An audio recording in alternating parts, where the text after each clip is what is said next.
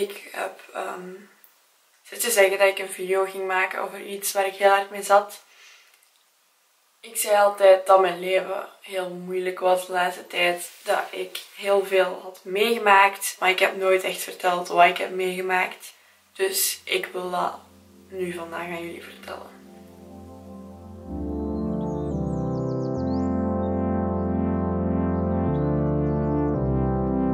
Ik ben Nona van Brakel. Ik ben 23 jaar oud en je hoorde mij net op YouTube, zo'n zes jaar geleden. Dit was een van de moeilijkste video's die ik ooit op mijn kanaal heb gezet. Op 27 januari 2017 kregen we te horen dat papa kanker had. Dat er kanker bij hem was vastgesteld. Ik weet niet precies waar het allemaal was, maar het was uitgezaaid. Maar ik bleef er echt, echt in geloven. Ik was heel bezorgd om papa en ik had het ook er heel moeilijk mee. En ik probeerde, ik probeerde niet aan te denken dat het gewoon gedaan kon zijn. Ik dacht van dat zal, dat zal wel niet bij ons gebeuren, dat, dat kan niet. Maar toch, op 21 maart 2017 verloor ik mijn papa aan kanker. De eerste dagen en weken na zijn dood stond mijn wereld volledig op zijn kop. Maar wanneer de rouwstoet en alle drukte eromheen verdween, bleef ik alleen achter met mijn verdriet.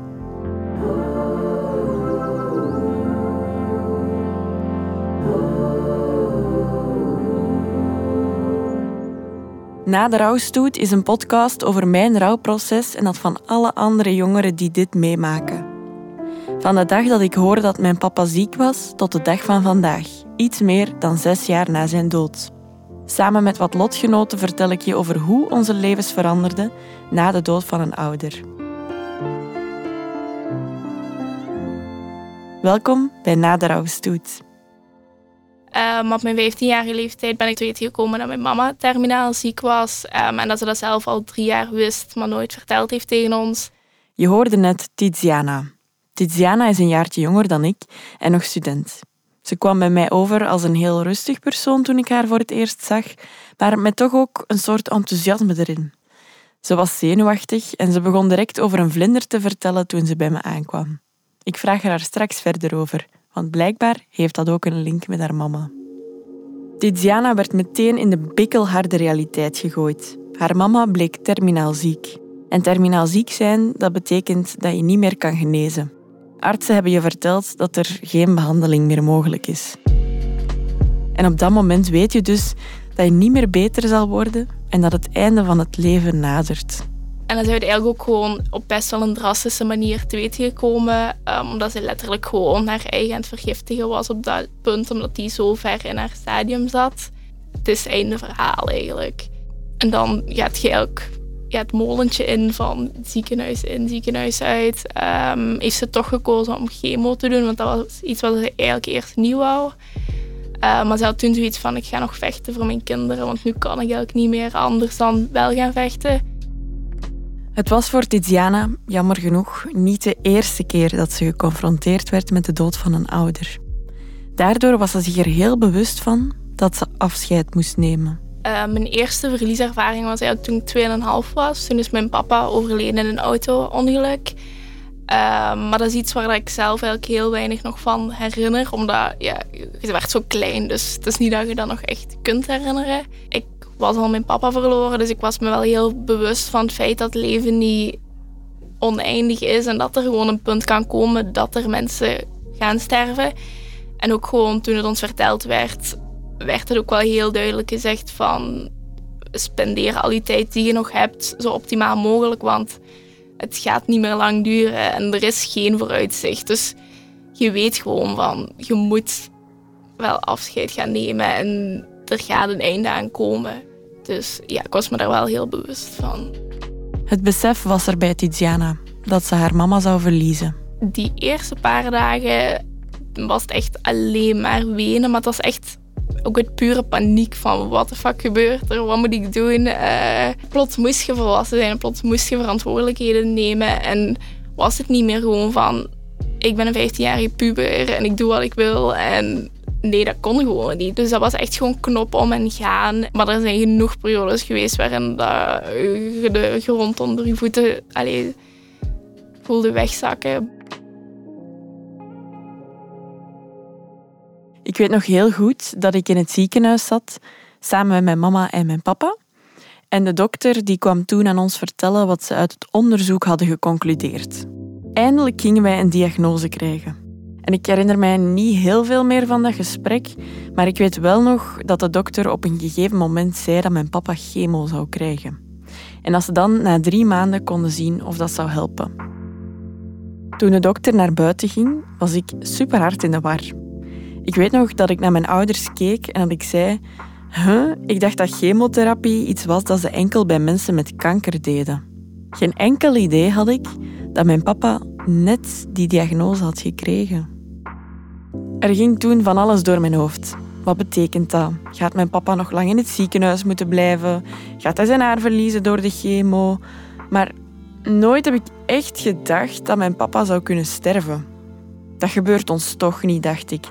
Dat was een mindset die al heel mijn leven in mijn hoofd geplant zat, gewoon omdat het altijd al zo was geweest. Ineens zeggen ze tegen u van ja, uw papa leeft nog maar een jaar. En je, omdat dat denk ik zo'n heftig nieuws is of zo, je wilt dat niet aanvaarden en dat het gewoon in denial gaan.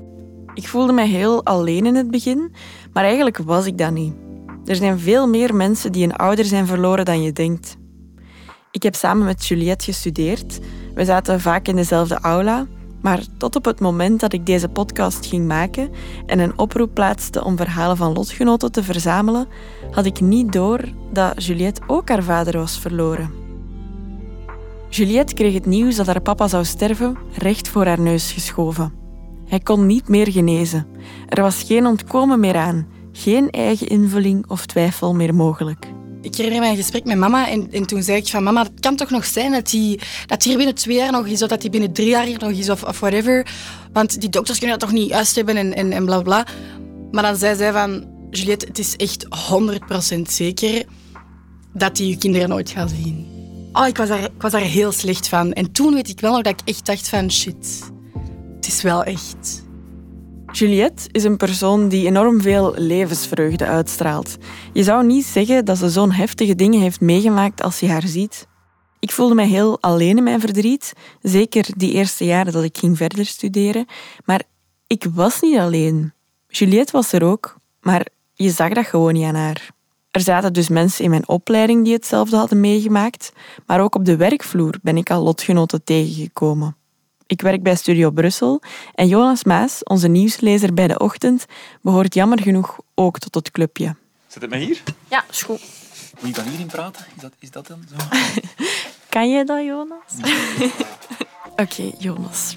Ik denk dat ik door had dat jij je papa ook op jonge leeftijd uh, verloren was toen ik jou een foto zag posten op Instagram. En ik weet dat ik daarna op de redactie kwam en dat we het daar denk ik toen over gehad hebben en dat toen, allee, door dat we dat allebei hadden meegemaakt. Hoe lang is het geleden dat jij je papa verloor? Uh, toen ik die foto gepost had, en dat is vorig jaar denk ik, mm -hmm. 25 jaar al. Allee, hoe oud was je zelf toen? Uh, toen mijn vader overleed was ik 14. Mijn vader heeft een hartstilstand gekregen tijdens het sporten. Mijn ouders waren aan het scheiden.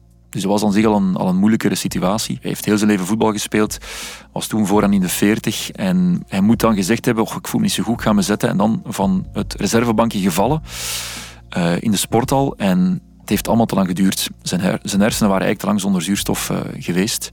En um, hij heeft eerst twee weken in een coma gelegen.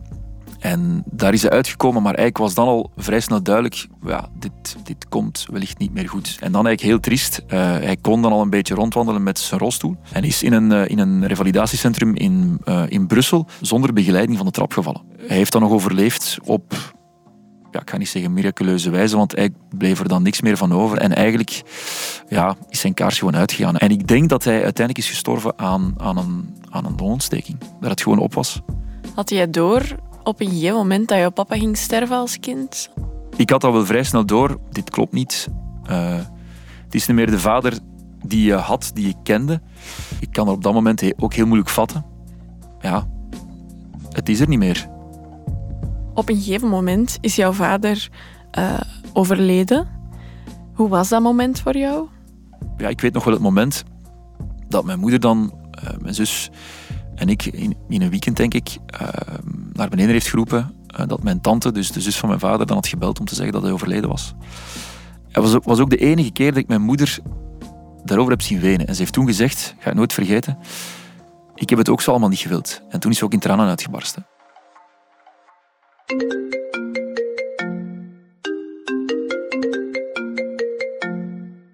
Hey mama, ça va? Hey Nona. Uh, onze papa voelt zich niet zo goed vandaag. Hij is wat onrustig. Ik denk dat het beter is als jullie morgen of, of straks misschien nog komen. Uh, ik bel jullie nog wel. Is dat goed? Toen ik dit telefoontje kreeg, op 21 maart 2017, wist ik nog niet hoe die dag zou eindigen. Mijn broer en ik mochten niet op bezoek gaan bij mijn papa en dus gingen wij met mijn meter mee naar huis. Ik heb het er ook over in de YouTube-video die ik een paar maanden na de dood van mijn papa opnam. Dat is de video die je ook in het begin van deze aflevering hebt gehoord. Bijna elke dag na school ging ik naar hem met mijn broer en bezoeken hem met mama. Mama was altijd bij papa. En toen op een dinsdag, ik had achtste triathlon en toen ging ik naar het ziekenhuis en mijn meter stond daar op mij te wachten. En mijn broer was erbij. En uh, we mochten papa niet zien omdat papa heel onrustig was. Dat er iets, iets was met de pijnstillers of zo. En dat papa heel erg in paniek was. Ik wou papa echt heel graag zien, maar ik snapte echt dat het niet ging op dat moment. Mijn papa was heel onrustig, dus hij kon die dag geen bezoek krijgen, had mijn mama aan de telefoon gezegd. Dus mijn meter haalde mijn broer en ik op en we zouden die avond daar blijven. Een paar uur na dat eerste telefoontje naar mij belde mijn mama alweer terug naar mijn meter. Ze zei dat we toch naar het ziekenhuis moesten komen. En toen wist ik helemaal niet wat er aan het gebeuren was. Ik wist niet of wij gewoon op bezoek mochten gaan of dat er misschien iets gebeurd was. Het was zonder twijfel mentaal de langste autorit van mijn leven. Toen kwamen Nathan en ik binnen in het ziekenhuis en mama nam ons mee, maar we gingen niet naar zijn kamer, we gingen zo de stille ruimte of zo, ik weet niet precies hoe dat heet. En mama omhelsde ons daar en toen heeft ze ons verteld dat het allemaal heel snel was gegaan en de papa was overleden.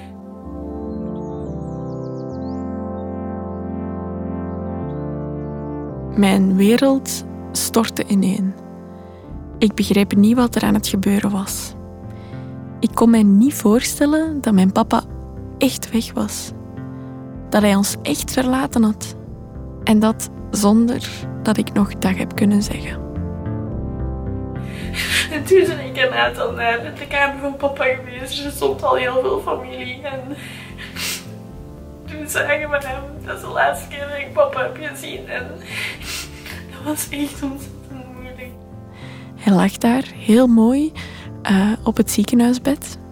Dat was echt mijn papa nog, maar hij ademde niet meer. Ik weet nog dat ik eerst niet helemaal naar binnen durfde gaan. Mijn uh, familieleden die waren al aangekomen en die stonden tegen de muren van de kamer naar ons te kijken. Ik weet dat ik daarna wel ben binnengegaan, naast hem heb gezeten en dat ik hem nog heb geaaid. Dat was een heel raar gevoel, want ik voelde hem nog, maar hij voelde mij niet meer. Het was ook zo vreemd om hem gewoon te zien en te weten dat hij er niet meer was. Dus na een tijdje daar gezeten te hebben, ging ik naar huis en ik wist niet wat ik moest doen. Ik was mijn papa kwijt. Voor altijd. Daar sta je dan, bij de crematie van je pa. Na al die tijd van vluchten sta je stil en denk je na. Dit is nooit meer vla, nooit meer vla voor de tv. Nooit meer samen, nooit meer samen kijken naar DWDD. Nooit meer dansen in het huis en nooit meer klappen met een vuist. Wellicht was het niet juist, maar ik mis ons en ik mis thuis.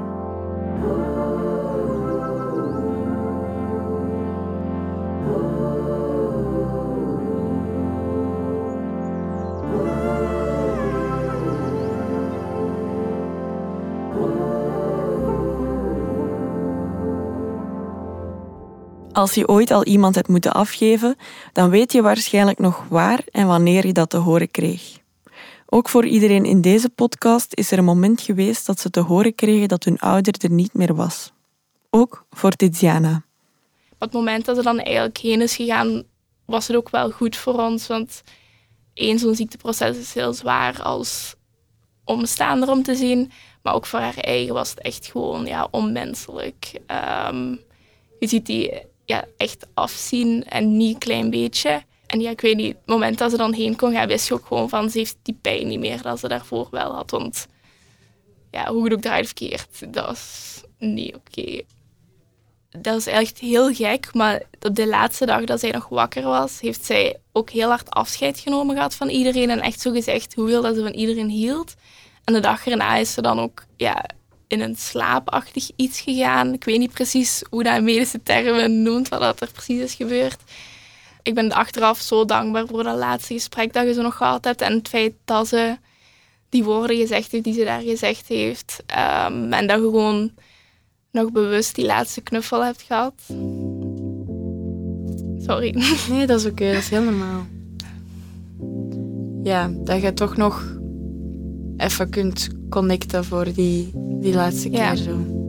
En zeker ook mijn mama was geen prater. En mijn mama die zei niet op dagdagelijkse basis hoeveel dat ze van die hield. En dan vind ik dat toch gewoon speciaal dat ze dat dan op dat moment toch nog gezegd heeft. Maar toen dat ik dan in de ochtend dat belletje kreeg van ja, je moet komen, want ze is gestorven, was het ook gewoon van het is echt oké. En het was zo ja, echt mooi afgerond in de mate dat het mooi kan zijn. Want allee, het is pijnlijk op ieder mogelijk... Allee, in elk opzicht is dat pijnlijk. Maar het was gewoon juist op dat moment. Ik heb het er zelf heel moeilijk mee dat ik nooit afscheid heb kunnen nemen van mijn papa. De dag voordat hij stierf was ik wenend naar huis gegaan. Toen pas had ik een beetje door dat hij sterfelijk was.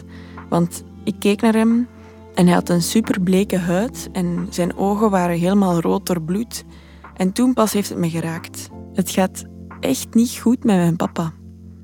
En de dag erna is hij gestorven. Het laatste beeld dat mijn papa van mij had, was dat ik huilend naar huis ging en dat ik zei dat ik morgen wel zou terugkomen. Ik heb hem nooit gezegd of kunnen zeggen hoeveel ik echt van hem hield. En hoewel mijn mama zegt dat hij dat wel zal weten, blijf ik daar toch heel hard mee worstelen. Toen de levensverwachting van Juliette's papa steeds korter begon te worden, heeft Juliette een soort van afscheid proberen nemen van hem. Ik heb ooit eens met papa het gesprek proberen te hebben van wat, wat gaat er gebeuren en, en hoe sta jij er tegenover en kunnen we nog iets doen en, en wat kunnen we nog zeggen tegen elkaar. Maar heeft daar met niemand echt over willen praten, over zijn, over zijn dood. Toen ik erover wou spreken, zei dan van Juliette, ja, ik weet het niet, jij kunt ook, jij kunt ook morgen aangereden worden door een, door een bus of whatever. En dan dacht ik, ja, oké, ik ga er dan niet over praten en ik snap het ook wel dat dat waanzinnig moeilijk is om dat gesprek te voeren met je dochter van 15 jaar. Dus ja. Heb jij dan echt afscheid van hem kunnen nemen? Ik herinner mij nog, mijn, mijn mama maakte ons ineens wakker. Ehm, mijn papa lag toen al in het ziekenhuis. En ze zei van, ehm, ja, eh, papa moet een stent laten zetten in zijn hart. De, de weg daar naartoe dacht ik ook van, ja, dit kan, dit, kan het, dit kan afscheid zijn. Ik herinner mij toen wel dat we nog echt hebben kunnen lachen. En ehm, ja, dat, we, dat, was, dat was op een of andere manier afscheid, want je wist gewoon dat, dat op die dag het moment ook kon zijn dat hij ging sterven. Ja, dat heeft, dat mij echt nog wel deugd gedaan, want natuurlijk het, het- de laatste keer dat ik die heb gezien, dat was geen mens meer. Allee, die was gewoon aan het slapen en, en je zag dat hij echt, ehm, ja, dat hij ook gedaan was. En, en dat was eigenlijk niet zo fijn. En dan heeft hij ook wel zo nog een paar dingen gevraagd aan ons van, voor op de begrafenis voor te lezen en ehm, voor elkaar... Oeh, sorry. Dat is niet erg. Als je even pauze wilt of zo, dan... Sorry, ik vind dat zo raar dat ik daar emotioneel over word. Want ik kan er echt, ik kan er echt wel goed over praten, maar dat is... Ik weet niet, dat is zo gek. Sorry, sorry. Nee, ik snap dat. Je graaft terug naar ja, de emoties. je grijpt zo echt Ja, naar de emoties. Dat is heel hard zo. En dat is ook heel mooi dat je, Ja, dat, dat u zo raakt. Dat laat ook zien dat je een hele fijne band wel hebt gehad met je papa, denk ik. sowieso, 100%. Mhm. Maar dus, ehm, dus toen eigenlijk tijdens het laatste gesprek heeft hij ons ook echt nog ehm, gevraagd om, om voor elkaar te zorgen. En daar denk ik ook wel nog vaak aan. Als wij eens ruzie hebben, dan denk ik, kom aan over wat gaat het? Over een, over een, uh, over een kleedje dat je hebt gepikt uit je, uit je, uit je. Allee, whatever, dat maakt echt niet uit. Relativeer een beetje en, um, en denk aan wat hij toen heeft gevraagd aan ons. Want dat hebben we beloofd en die beloften zijn ook wel waargekomen. Ik vroeg het ook eens aan Jonas. Het duurde twee jaar tot zijn vader stierf na zijn hartaanval. Maar heeft hij echt afscheid kunnen nemen in die tijd?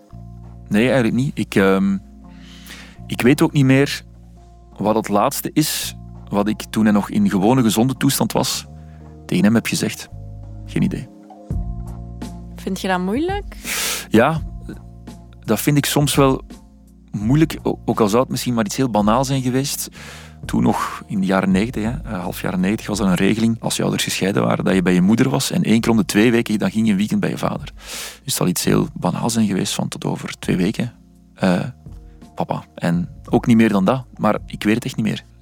Het is niet een mooi afscheid. Ja, dat is natuurlijk spijtig, maar in dat geval kon het ook gewoon niet anders. Mijn vriendin is haar ehm, grootmoeder uh, verloren en die is daar de laatste dag, de laatste uren echt bij geweest. En die vond dat zo mooi dat ze dat kon meemaken, dat ze eigenlijk haar oma heeft begeleid naar de dood, eigenlijk. Dat ze daar eigenlijk echt wel vrede mee heeft. Dat het zo is gedaan. Die hebben nog kunnen zeggen tegen elkaar wat ze wilden zeggen. En ja, dat vind ik wel spijtig. Ook al was ik toen heel jong en zou ik het allemaal niet hebben beseft misschien. Maar dat heb ik wel nooit gehad, op die manier. Als je iemand verliest, dan kan je ervoor kiezen om die nog te gaan groeten. Dat is ook een soort van afscheid nemen, want je gaat dan naar het mortuarium om de overleden persoon nog eens te zien. En ik weet nog dat mijn mama en mijn broer wel naar mijn papa zijn gaan kijken, maar ik ben toen altijd thuis gebleven. Ik, ik wou dat niet. Ik wou hem herinneren zoals de laatste keer dat ik hem gezien had in het ziekenhuis, omdat ik dat wel een oké laatste beeld vond en ook omdat ik vooral bang was wat ik zou zien of voelen als ik hem zou terugzien. Ik weet niet of ik daar achteraf spijt van heb. Misschien had het mij de kans kunnen geven om het gevoel te krijgen dat ik wel een soort van afscheid heb genomen. Achteraf weet je dat uiteraard niet wat voor jou het beste was geweest. Tiziana die is wel gaan kijken. Ik had mama sowieso al dan dood gezien in het ziekenhuis. Um, en toen heb ik zelfs nog een knuffel gegeven gehad. En dat is iets waarvan ik nooit gedacht zou hebben dat ik dat zou doen, dat ik iemand die dood was zou knuffelen. Maar op dat moment was dat zo precies dat ze er nog ergens was. Maar toen ik dan in het mortuarium maar zag, was dat echt zoiets van, nee, nu is mama haar energie, of hoe je het ook wilt noemen, dat is er niet meer. En toen heb ik dat ook gewoon niet meer gedaan, want dat was zo nieuw ik haar wil herinneren. Ik wil haar herinneren op, met haar juiste energie of zo. En daar, daar was ze echt dood. Ik wil jullie deze aflevering nog graag voorstellen aan Kelly. Haar verhaal verschilt sterk met dat van mij en dat van de andere lotgenoten. Kelly's papa had van haar op een andere manier afscheid genomen. De papa van Kelly pleegde zelfdoding en dat toen ze 15 jaar oud was. Ik vond het superbelangrijk om verschillende soorten verdriet in deze podcast te benoemen. Te veel jongeren verliezen een ouder, ook door zelfdoding jammer genoeg. Kelly vertelde hoe dat voor haar was. Het eerste dat in mijn hoofd kwam was echt nee, dat kan niet. Dat kan niet, dat was ik, ja, ja, dat was een waas in mijn hoofd. Ja, ik kan dat echt niet beschrijven. Ik ben super hard beginnen wenen, beginnen roepen. Dat is precies of dat... Je gelooft dat niet. Ik was 15 jaar op dat moment. Hè. Ik had nog nooit iemand naast verloren dat ik heel graag zag.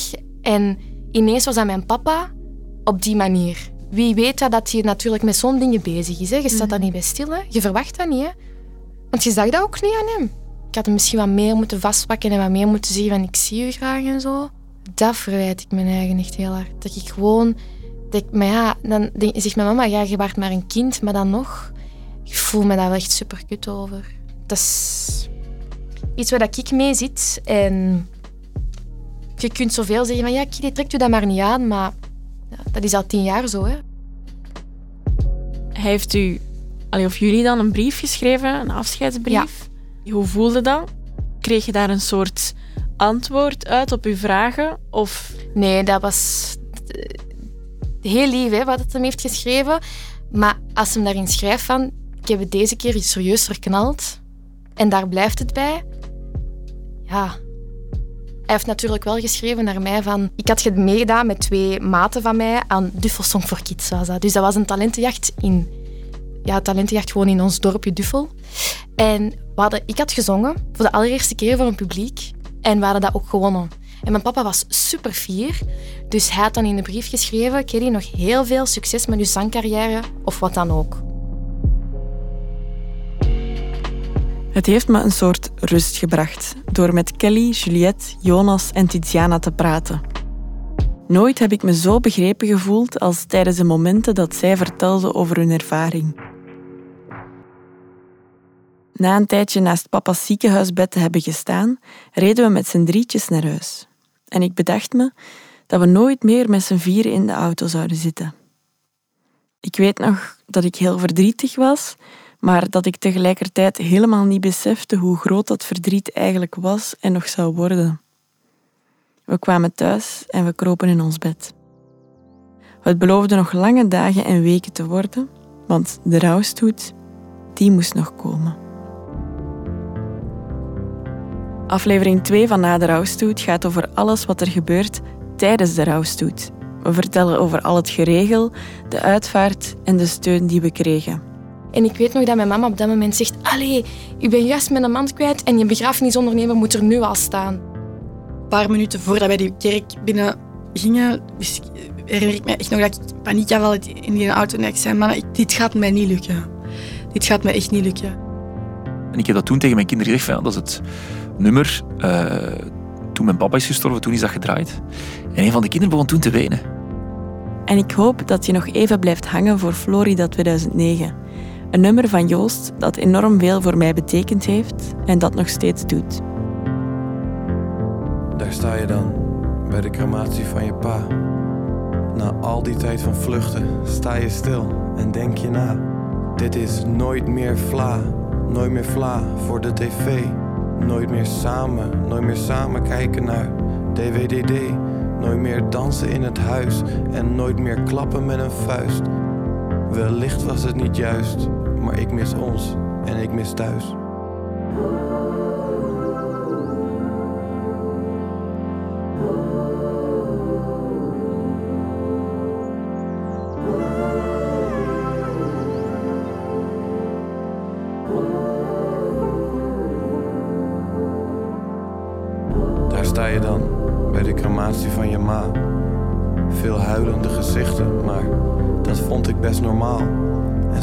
Zo'n lieve vrouw.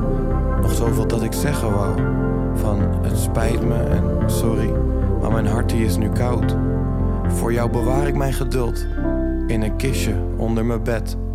Maar wat is een pretpark? Een pretpark zonder pret. Florida 2009, daar, daar kwam ik mezelf tegen. Maar heb een steen verlegd in de rivier en dat ondanks alle regen. Als je na het beluisteren van deze podcast vragen hebt, dan kan je terecht bij Teleonthaal op teleonthaal.be of op het nummer 106. Bij vragen over zelfdoding kan je ook de zelfmoordlijn contacteren op het nummer 1813. Bedankt voor het luisteren naar aflevering 1 van Na de Rouwstoet.